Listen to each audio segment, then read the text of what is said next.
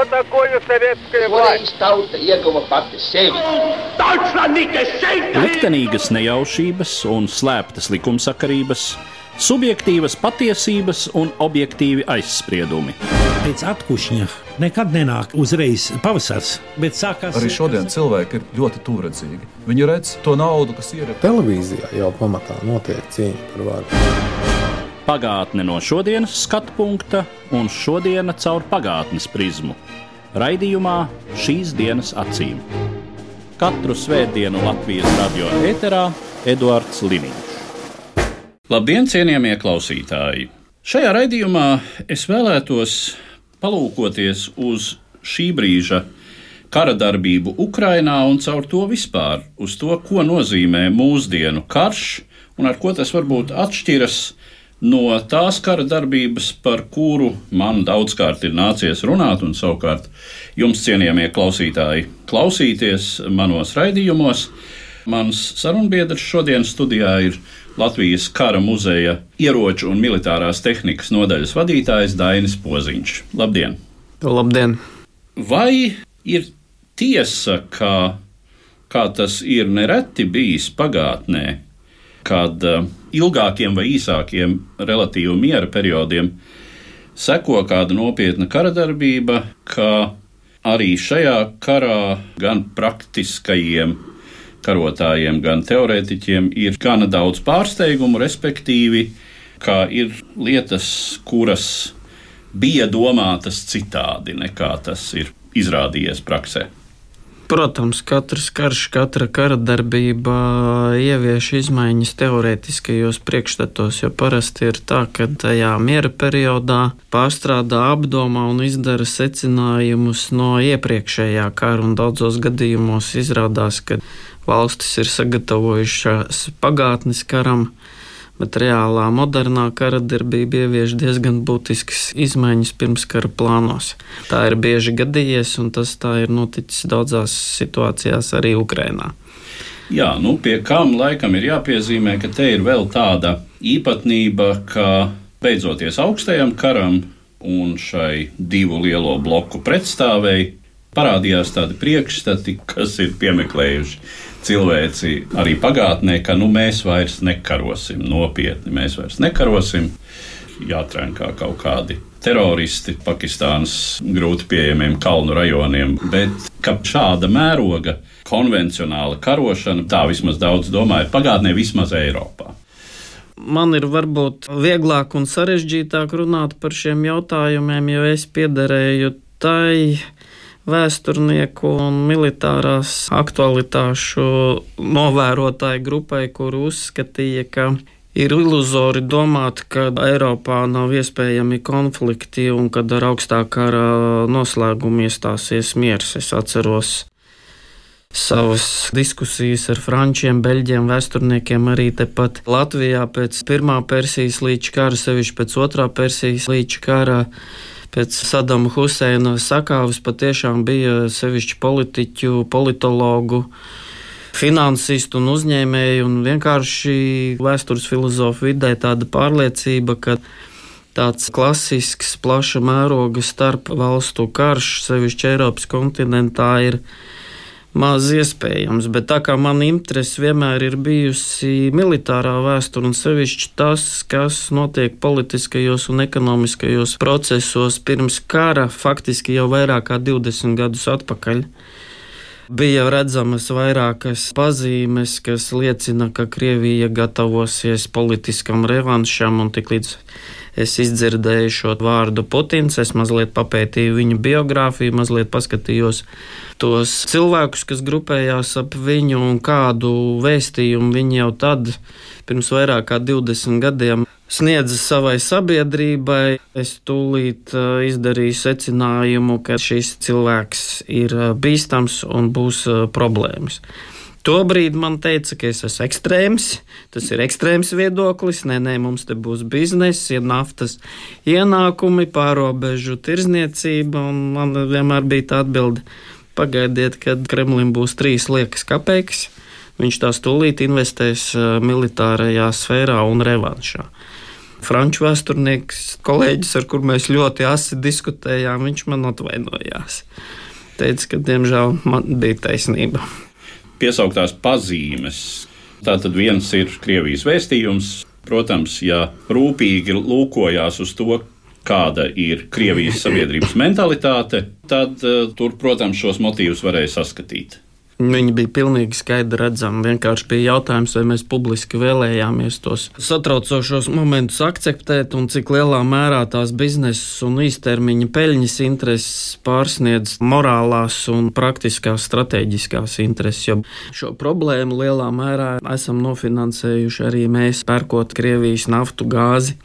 Viņi bija gatavi blefot, viņi bija gatavi lietot spēku. Rezultāts ir tāds, kāds tas ir. Mums šobrīd Eiropā ir ļoti liels karš. Valsts institūcijās, akadēmiskajā vidē eksperts ir zināmā mērā pakļauts sava darba devēja noskaņojumam un politiskajām prasībām. Un, ja kāds eksperts izkāpa ārpus tām, jo bija arī citi viedokļi, šos citus viedokļus vienkārši nolika malā politikā ir sevišķi demokrātiskās valstīs jāsaskaņo daudzas intereses un daudziem cilvēkiem. Tīri personīgi iemeslu dēļ sadarboties ar Putinu bija un Krieviju finansiāli izdevīgi. Daudziem bija ilūzija, ka ja mēs ieguldīsim Krievijā vai jebkurā citā autoritārā režīmā, naudu, tad šie cilvēki, kuri ir nopelnījuši tirgus ekonomikā, sāks domāt demokrātiski.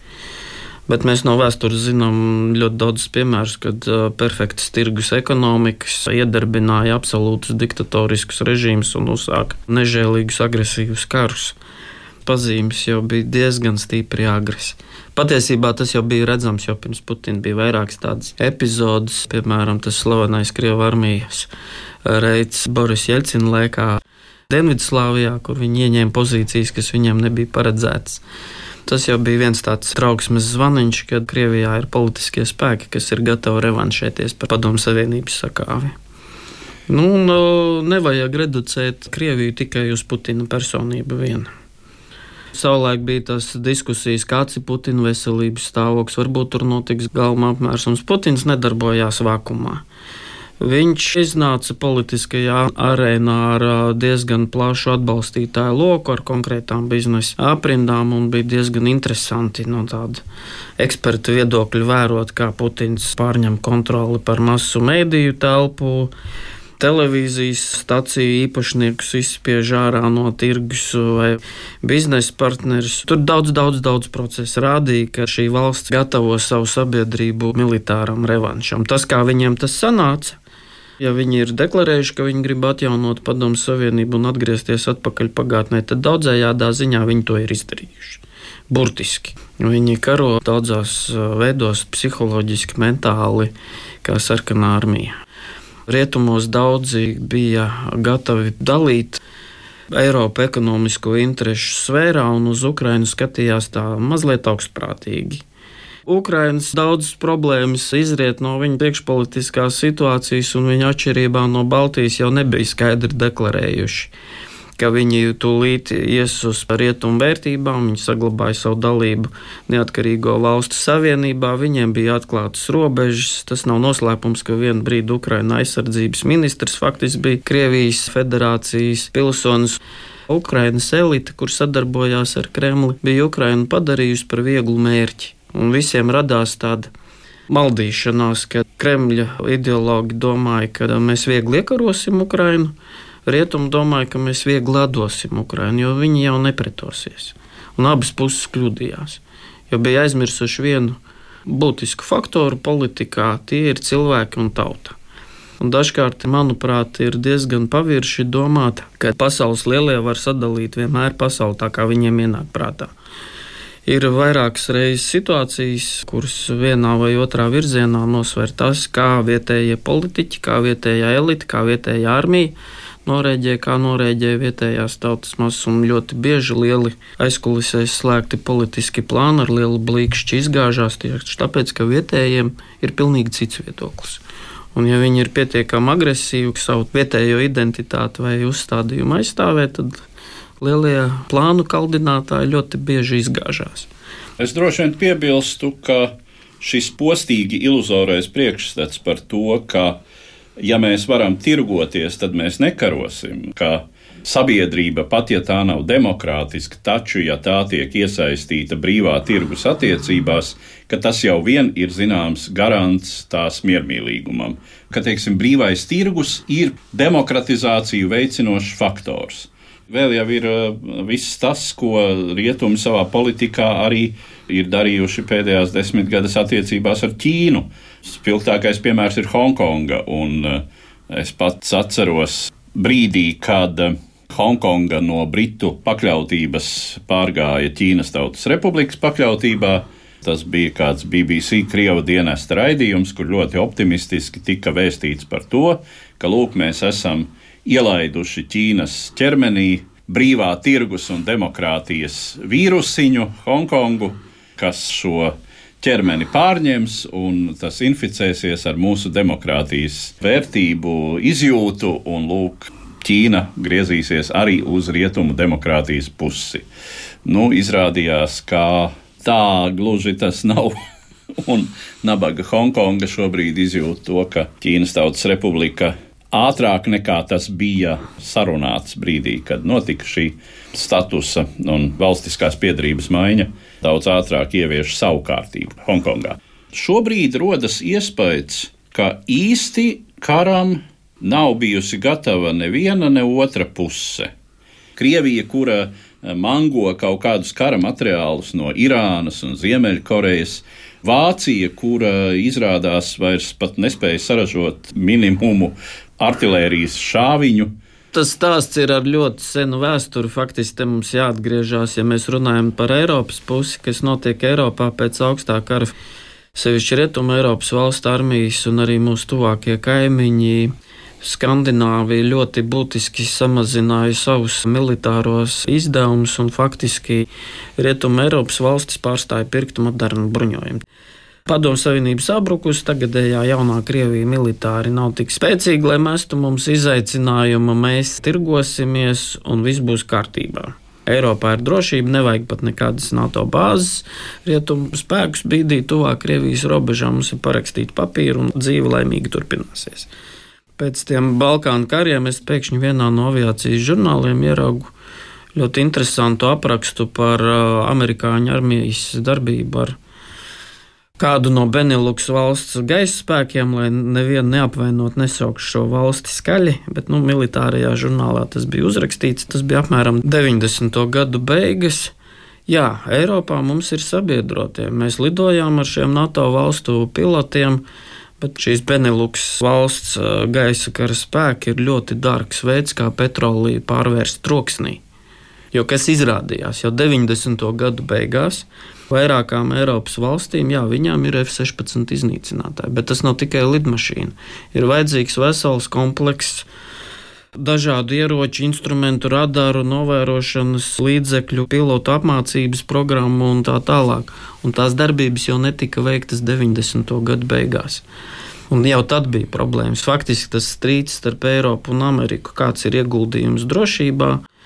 Amerikāņi vienkārši sāk uzdot jautājumu Eiropas sabiedrotiem. Jūs esat gandrīz, var teikt, tikpat bagāti kā mēs, bet kāpēc problēmas vienmēr jārisina Amerikas armijai? ekonomikā, enerģētikas problēma. Ai, mums ir lēta krievu gāze, mums nekas nav jādara. Un tas pats attiecās uz vieglo rūpniecību un tehnoloģiju. Mums ir Ķīna. Mēs investēsim Ķīnā, un mums būs leputri lētas preces, nebūs netīras gaisa pilsētā.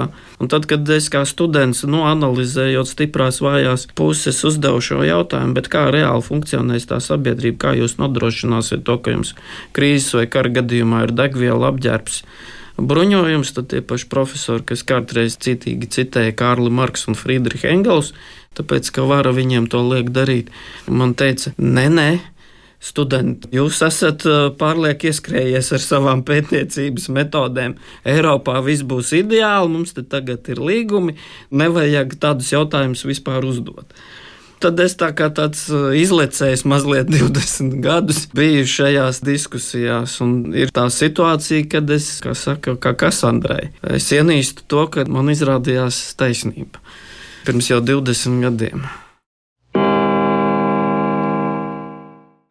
Par to, ko mums būs mācīties no pašreizējā kara, sarunājos ar vēsturnieku, Latvijas kara muzeja ieroču un militārās tehnikas nodaļas vadītāju Daini Poziņu. Parunāsim mazliet par šī kara tehniskajiem aspektiem. Tas viens vārds, kas izskan teju katru dienu šī kara sakarā, tas ir drons. Es gan uzstātu, ka mēs lietojam latviešu terminu, kas arī tagad ir ieteikts lietošanai, proti, lidrobots. Drons tas ir anglicisms, barbarisms latviešu valodā. Tā tad lidrobots. Vai ir tā, ka tas ir kaut kas tāds, kas diezgan principiāli maina kara darbības raksturu? Tas, kas maina principiālu situāciju Ukraiņas frontēs, ir šo lidrobotu izmantošanas apjoms. Jo nav jau tā, ka agrāk kara darbībā autonomi lidaparāti nebūtu izmantoti un, un ar dažādām sekmēm. Tādas idejas jau virmo patiesībā militārajā un inženieru domā diezgan senu laiku. Bet Ukraiņas atšķirība ir tā, ka mūsdienu tehnoloģijas un šo lidrobotu lētums ļāva pielāgot civilajām vajadzībām izmantojams šāds ierīcis militārajiem mērķiem. Tas bija ļoti liels pārsteigums daudziem ekspertiem, lai gan dažas pazīmes bija, ka to ir iespējams izdarīt. Tas liek arī pārskatīt ļoti daudzas tehniskās lietas. Ja pēc Persijas līča kariem uzskatīja, ka pašgājēja zenīta artilērija, daudzstobra lielgabali nebūs aktuāli, jo visu atrisinās jaudīgas lidmašīnas, precīzi vadāmie ieroči, tad šie droni piespiež pārvērtēt prioritātes, jo šaut pa salīdzinoši lētu dronu ar zenīta raķeti ļoti dārgi sanāk, grāmatveži nav laimīgi. Tā tad ir jāmeklē cits lētāks, efektīvāks tehnoloģiskais risinājums. Lidropotu izmantošana Ukrainas gadījumā ļoti paplašina vēl viena cīņas veida nozīme - radioelektroniskās cīņas līdzekļi, signālu nomākšana, signālu avotu atklāšana, tātad pelēšanas iekārtas iekārta automatizēšana, mūsdienu programmatūras un pat varbūt kaut kādi mākslīgā intelekta elementi, kas agrāk bija pieejami tikai lielu valstu armijām. Tehnoloģijas virsotnē Ukraiņi ir iemācījušies izmantot bez mazas rotas vai nodaļas līmenī atrast, kur ir uh, pretinieka radiooperators, nokoriģēt artēriju, nokoriģēt NATO piegādātos ieročus. Tas ir vēl viens tāds uh, aspekts, kas šī konfliktā iegūst ļoti lielu nozīmi. Ukraiņiem tas ir izdevies to tīri tehniski īstenot. Vai tas palīdz atrisināt strupceļu? Ja Krievija bija cerējusi iegūt vieglu uzvaru, tas aprēķins nepiepildījās. Tad Ukrāņi bija maz sagatavoti, lai atvairītu tik lielu plašu uzbrukumu, un arī tie Eiropas sabiedrotie patiesībā nav šobrīd nec politiski, nav tās politiskās gribas, nec arī pēc ražošanas apjomiem nodrošināt pietiekami lielu modernu ieroču piegādes apjomu, jo Ukraiņas gadījumā ir vajadzīgi vismodernākie ieroči ļoti lielos apjomos, ja šo strupceļu patiešām grib atrisināt. Ja tur ir aprēķins cits, mēs nezinām visas detaļas. Tad tas pārvērtīsies par strupceļa karu, tad iesaldētu konfliktu. Bet laikam gan ir tā, ka šobrīd mēs nevaram ar pārliecību teikt, ka tas, ka Ukraina nesaņem to, ko tā pieprasa, kas tai būtu nepieciešams, izriet tikai no kādiem rietumu plāniem, kas arī visnotaļ var būt klātesoši, nenovest situāciju šī kara rezultātā Krievijā līdz totālam sabrukumam, haosam, vai arī neizprovocēt Krieviju līdz kodolieroču lietošanai. Kā Tie saka? apsvērumi ir diezgan spēcīgi, jo iedomājieties politisku haosu ar kodolieročiem apbruņotā valstī, un tās bažas noteiktā rietumu sabiedrības slānī ir pietiekami lielas. Viņi rēķina vienkārši to valstu mērogu. Ukraina ir sāpīga problēma, bet ja iestājās haoss pilnīgs Krievijā, neviens no rietumiem, un arī mēs tur nebūtu neko gatavi risināt. Milzīgas bēgļu masas vai, teiksim, liela konflikta gadījumā kaut kādu ķīmisko vai radioaktīvo piesārņojumu, tāpēc, ka kāds ir izdomājis pabombardēt kādu kodolu uzņēmumu. šie konflikti un kari, tie aprēķini, tas balanss ir ļoti sarežģīts, un mēs jau arī tie civilie nosacīti karam attāli stāvošie mums nav pilnīgi simtprocentīgas visu izējošo datu. Es varu izdarīt kaut kādus secinājumus tikai no publiski pieejamās informācijas vai tās, kas nejauši nonāk tā teikt no mazāk atklātiem informācijas kanāliem, bet visu pilno ainu mēs šobrīd simtprocentīgi neredzam. Šobrīd bruņojums būtībā ir pietiekamā daudzumā, lai Ukraiņi spētu aizsargāties un izjaukt Krievu ekspansionistiskos plānus, bet tas bruņojuma apjoms nav pietiekams, lai Ukraiņi veiktu atklātas pretuzbrukuma operācijas. Faktiski, es tad, kad uzliku tos ciparus uz papīra, nu tā aptuveni sanāk, ka Ukraina ar tām piegādēm kompensē tos zaudējumus tikai, ko Krievija rada. Un, ja Krievija turpina aktīvu uzbrukumu, visu laiku metot šajā katlā jaunus spēkus, Ukraiņas armijai nav reālas rezerves, kā organizēt pretuzbrukumu. Nebūs tur nekāda zibens kara. Otrs aspekts, ko daudzi eksperti un žurnālisti aizmirsa, ir aviācijas faktors. Lai organizētu mūsdienu kara apstākļos, pretuzbrukumu ir nepieciešams pārsvars gaisā un ir nepieciešams nomākt pretinieku artēriju. Vai Ukrainai bija pārsvars gaisā nodrošināts? Nē. F-16 joprojām tur nav. Vai Ukrainai ir tālas distances ieroči, lai izjauktu Krievijas armijas loģistiku dziļā aizmugurē? Nav. Vai Ukrainai pietiek artērija? Atbilde nav. Nevar nomākt Krievijas artēriju. Tad par kādu pretuzbrukumu mēs runājam? Šobrīd tas ir, kā saka, resursu karš. Krievija zina, ka viņiem cilvēki ir vairāk, un viņi vienkārši domā, kuriem grāmatvežiem apniks ātrāk, vai tiem, kas Rietumē Eiropā rēķina naudas, cik mēs izšaujam patriotu eh, zenītu raķetes pa lētiem Irānā ar ražotiem droniem. Un tas Krievijas aprēķins ir vienkārši. Viņi var atļauties zaudēt. Krievijas sabiedrība ir tik lielā mērā kontrolēta, ka viņi vairs neuzdod jautājumu, kāpēc mēs katru dienu pazaudējam tūkstošu cilvēku sakropļotus kritušos. Putins var atļauties šos cilvēkus zaudēt. Vai nav tā, ka tas arī ir izrādījies Krievijas lielākais resurss kārtējo reizi?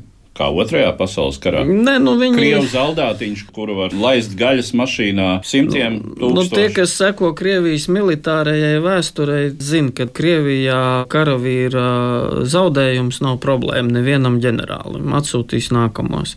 Tas nav tā, ka būtu tikai sarkanās armijas fenomens vai cariskās Krievijas fenomens. Šīs valsts plašie cilvēku dabas un ekonomiskie resursi ļauj šāda veida karā vēst.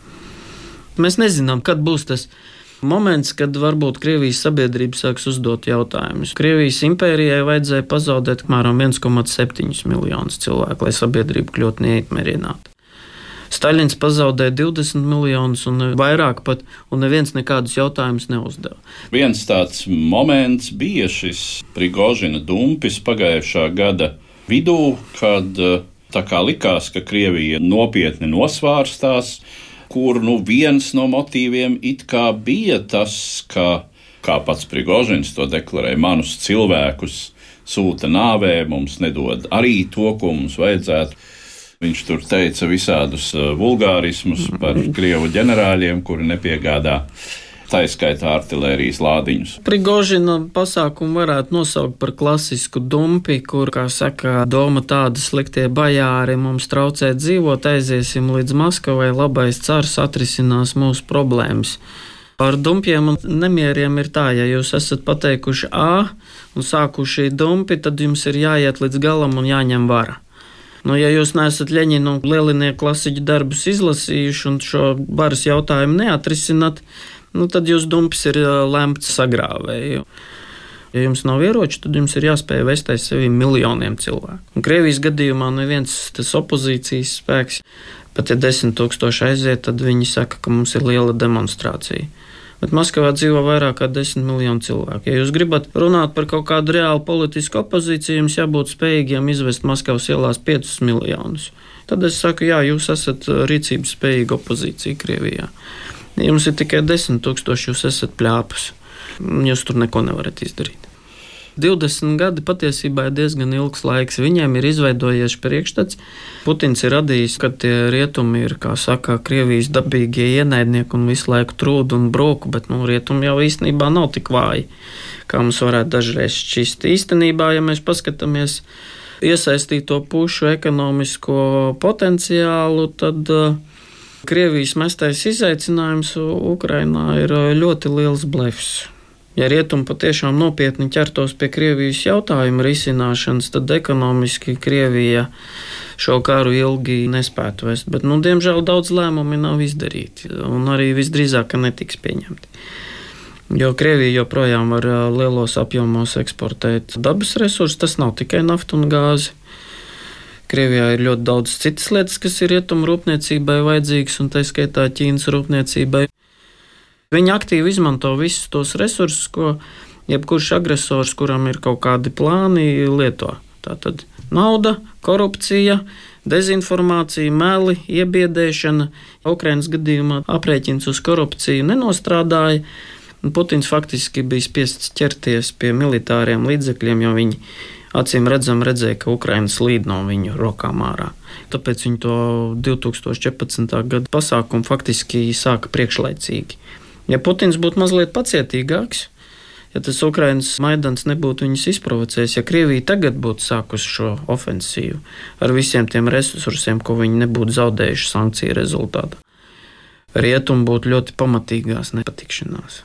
2014. gada, 15. gada notikumi ļoti lielā mērā izglāba Ukrainu, jo tā sabiedrība jau konflikta situācijā atrodas ilgu laiku, un Ukraiņi nodemonstrēja pēc tam pirmajām kaujām. Maidans un visi tie procesi to sabiedrību ir izmainījuši tik lielā mērā, ka Krievijai absolūti nav nekādas cerības šo valsti sakaut 72 stundu laikā. Kad tas beigsies, kā tas beigsies, kāru, jebkuru karu neviens nevar projektēt. Tas ir tā kā ieiet tumšā istabā. Jūs atverat melnus durvis, ieiet, un jūs tur nezināt, kam jūs tur uzdursieties. Mēs esam šajā istabā iekšā. Visi. Kas varētu būt ticamākais scenārijs? Ticamākais scenārijs, es ceru, ka rietumi savus demokrātiskos principus un savu ekonomisko resursu beidzot iedarbinās. Jo patiesībā jau no rietumu ekonomikas viedokļa palīdzība Ukrainai ļauj atdzīvināt rietumu Eiropas bruņojumu industriju.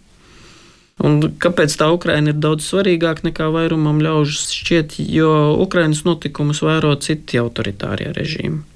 Ja Krievija aiziet prom nesodīti, tas nozīmē, ka visiem citiem diktatoriem ir zaļā gaisma. Un pasaulē sāksies tāds hauss, tādi konflikti, kurus nekāda rietumu superlielvalsts vairs atpakaļ neiedzīs. Un, un tad būs grandioza apjoma katastrofa. Tas, ko varētu saukt par to multipolāro pasauli, daudzpolu, izvērsīsies tādos konfliktos, kur salīdzinot Ukraiņas karš un tuvu austrumu konflikts būs izklēta bērnu dārza smilškastē. Ir potenciāli ļoti asa konflikta situācija, kur var izveidoties ļoti plašs bruņots konflikts Āfrikas ragā valstu starpā, tāpat starp vairākām Dienvidu-Austrumāzijas valstīm, tāpat Ķīnas, Indijas, Indijas, Pakistānas konflikts, kas ir gruzdošs. Tāpēc Ukraiņas konfliktu nedrīkst izlaist no kontrolas. Nedrīkst ļaut agresoram aiziet prom nesodītam. Būs grandioza katastrofa. Burtiski mirs miljoni. Britu aizsardzības ministrs vienā no savām runām ļoti precīzi to noformulēja. No pēckara pasaules mēs esam nokļuvuši pirmskara pasaulē. Tas, vai būs rezultāts pozitīvs Ukrainai un rietumiem, tas ir atkarīgs šobrīd no rietumiem. Un ir jāpieņem varbūt nepatīkami, varbūt nepopulāri lēmumi, asi lēmumi, bet ja tos lēmumus nepieņems, tad sekas būs eh, ļoti nelāgas. Var sanākt tā, ka mēs tagad ietaupām centu, bet uh, pazaudējam triljonus. Atliek vien cerēt, ka tā saprāšana ir pietiekama daudzu rietumu politiķu un citu lēmēju prātos. Droši vien, kā tas ir, to mēs redzēsim no vēstures perspektīvas raugoties samērā drīzā nākotnē. Ar to es arī gribētu noslēgt šo mūsu šodienas sarunu. Un saku paldies manam sarunbiedram, Kara muzeja ieroču un militārās tehnikas nodaļas vadītājam Dainim Poziņam. Katru svētdienu Latvijas radio viens par pagātni sarunājas Eduards Liniņš.